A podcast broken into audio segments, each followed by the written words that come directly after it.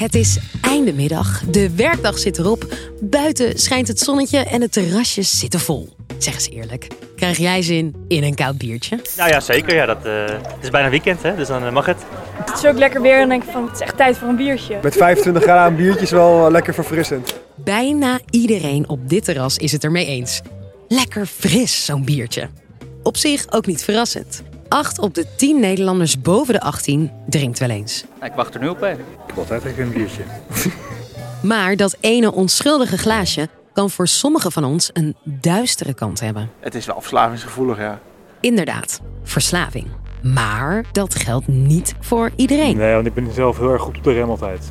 Nee, niet, niet elke dag. Nee. Waarom raakt de een wel verslaafd en de ander niet? Wij zijn de Universiteit van Nederland en speciaal voor deze aflevering bouwen we ons eigen terrasje op de Grote Markt in Haarlem.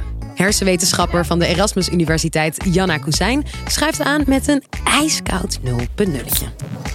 Janna zoekt een antwoord op onze million vraag. Want als je erachter komt waarom de een wel en de ander niet verslaafd raakt, dan weet je waarschijnlijk ook hoe je het moet behandelen. En dat gaat nog niet zo lekker in Nederland. Ja, dus er zijn eh, ontzettend veel verschillende behandelingen voor verslaving. En toch is het zo dat van de mensen die naar een kliniek gaat om uh, af te kicken van alcohol, zo'n 70% blijft terugvallen. Dus dat is voor mij ook een teken dat we iets gewoon nog niet goed doen daaraan. Omdat we dus eigenlijk nog maar een heel klein gedeelte uh, kunnen helpen. En dat is een probleem. Want alcoholverslaving drukt het hardst op onze verslavingszorg. Op dit moment zijn er in Nederland bijna 25.000 mensen die hulp krijgen bij een afkeerkliniek voor hun drankgebruik. En natuurlijk zijn de mensen met een verslaving niet alleen de mensen die zich uiteindelijk aanmelden in een kliniek. Er zijn veel meer mensen, ook in de maatschappij hier om je heen, die kampen met alcoholproblemen.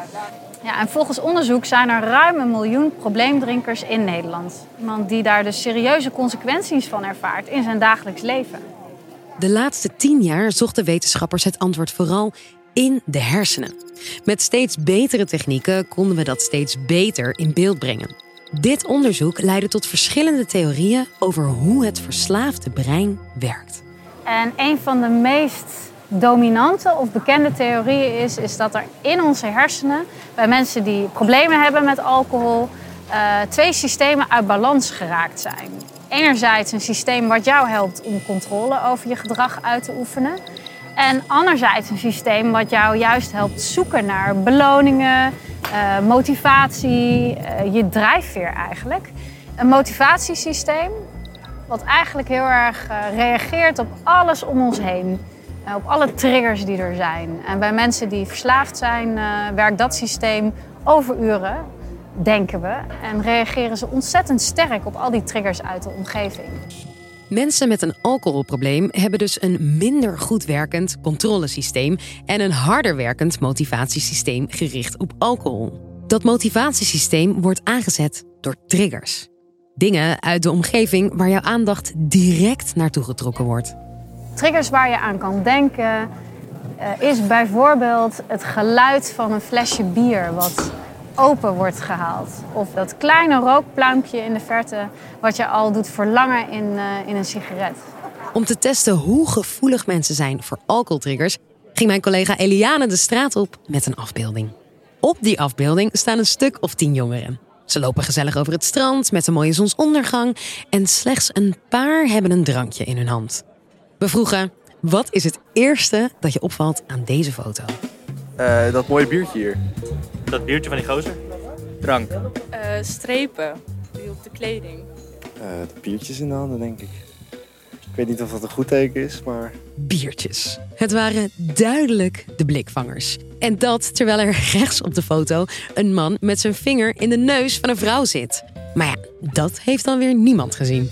Mensen waarbij de hersenen heel sterk reageren op die triggers, Daarvan kan je dus zeggen dat, ze, dat hun hersenen in ieder geval heel gevoelig zijn voor die triggers. En we zien dan vaak in die mensen ook dat, dat, uh, dat ze meer gaan verlangen. Dus dat ze gaan, we noemen dat craven, dat ze echt gaan hunkeren naar bier.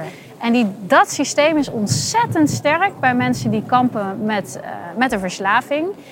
Um, en dat hoeft niet per se een probleem te zijn als jij nog controle kan uitoefenen. Dus stel, zo'n trigger komt voorbij en je krijgt het verlangen om een eh, biertje te drinken. Maar je hebt op dat moment iets ontzettend belangrijks te doen. En, en eh, nou ja, bijvoorbeeld iets op het werk of eh, ergens waar je op moet concentreren, studeren, een tentamen de dag daarna. Dan kan jij dan zeggen, als je controle hebt, van nou, ik ga dat nu gewoon eventjes niet doen. Ik zet mijn verlangen even aan de kant en ik parkeer het. En ik reageer er niet op. En bij mensen met een verslaving gaat dat stukje dus mis. Oké, als je geen weerstand kan bieden aan de triggers, ben je extra gevoelig voor verslaving. Dat heeft jaren aan hersenonderzoek ons geleerd. Maar volgens Janna is dit toch niet het hele verhaal. We zien iets belangrijks over het hoofd. De invloed van je sociale omgeving. De normen rondom alcoholgebruik krijg je eigenlijk met de paplepel ingegoten. Want ga maar eens nadenken wanneer jij voor het eerst geconfronteerd werd met alcohol. Dat is waarschijnlijk eh, aan de eettafel of thuis met je ouders. Of wat dacht je van je trainers in de sportkantine of biertjes op tafel bij tv-programma's? En kijk zelfs naar onze koning, Prins Pils. Allemaal mensen met voorbeeldfuncties. Dus ja, drinken is normaal. Bijvoorbeeld bij jongeren is het heel erg eh, getolereerd eigenlijk dat je ontzettend veel zuipt. Denk aan studenten. Denk aan kampeervakanties op jonge leeftijd waar de kratjes bier meegaan. En als het zo normaal is om met z'n allen zo ontzettend veel te zuipen en te drinken, dan hoef je ook geen controle uit te oefenen over je gedrag. Er is geen noodzaak als de mensen in je omgeving jouw drinkgedrag gewoon normaal vinden. Dus voor mensen die breintechnisch extra gevoelig zijn voor triggers, is het al moeilijk om zichzelf en hun cravings onder controle te houden. Maar als je omgeving die controle niet stimuleert, wordt het nog lastiger om dat biertje te laten staan. En wij, als maatschappij, zien alcohol niet als iets dat je in gevaar brengt. Sterker nog, het is. Gewoon gezellig met mijn vrienden. Ja. Nou, met name gezelligheid, denk ik. Gewoon gezelligheid. Ik vind het gewoon gezellig. Yes, gezellig. Daar is ons terrasje het weer over eens. Die gezelligheid maakt het volgende drankje net wat verleidelijker. Hup, daar gaat je motivatiesysteem weer op volle toeren. En dat is vooral tricky voor jongeren. In situaties waar er veel verleidingen zijn, gaan jongeren vaak wat vaker overstag dan volwassenen. Enerzijds eh, reageren ze heel sterk op triggers en snelle beloningen. En aan de andere kant zie je dat het controlesysteem ook nog een beetje aan het ontwikkelen is. Het brein van jongeren is echt topfit als het gaat om aandacht, studeren, leren.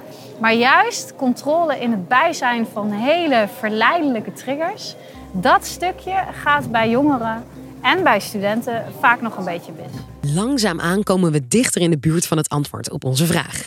Waarom raakt de een wel en de ander niet verslaafd? Janna's onderzoek maakt alsmaar duidelijker dat het brein van jongeren in combinatie met hun sociale omgeving extra kwetsbaar is voor verslaving. Nou, we hebben onderzoek gedaan en gekeken naar in hoeverre jij je nou aanpast aan het sociale gedrag van je vrienden of je familie. En daarin zien we dat sommige mensen daar gewoon wat gevoeliger in zijn dan andere mensen. En bij jongeren is die norm toch echt anders. En dat gaat echt over veel, heel veel in één keer drinken. En als je ouder wordt, is dat toch iets minder normaal om bijvoorbeeld op je werk dronken met een kater eh, op te komen dagen. Terwijl in een studentensetting het heel normaal is dat je naar college gaat en zegt: Ah man, ik heb gisteren zo hard gezopen. Eh, ik ben echt door het geluid gegaan. En als je vervolgens op een gegeven moment een serieuze baan krijgt, dan verandert dat toch wel een beetje hoe er gekeken wordt naar alcoholgebruik.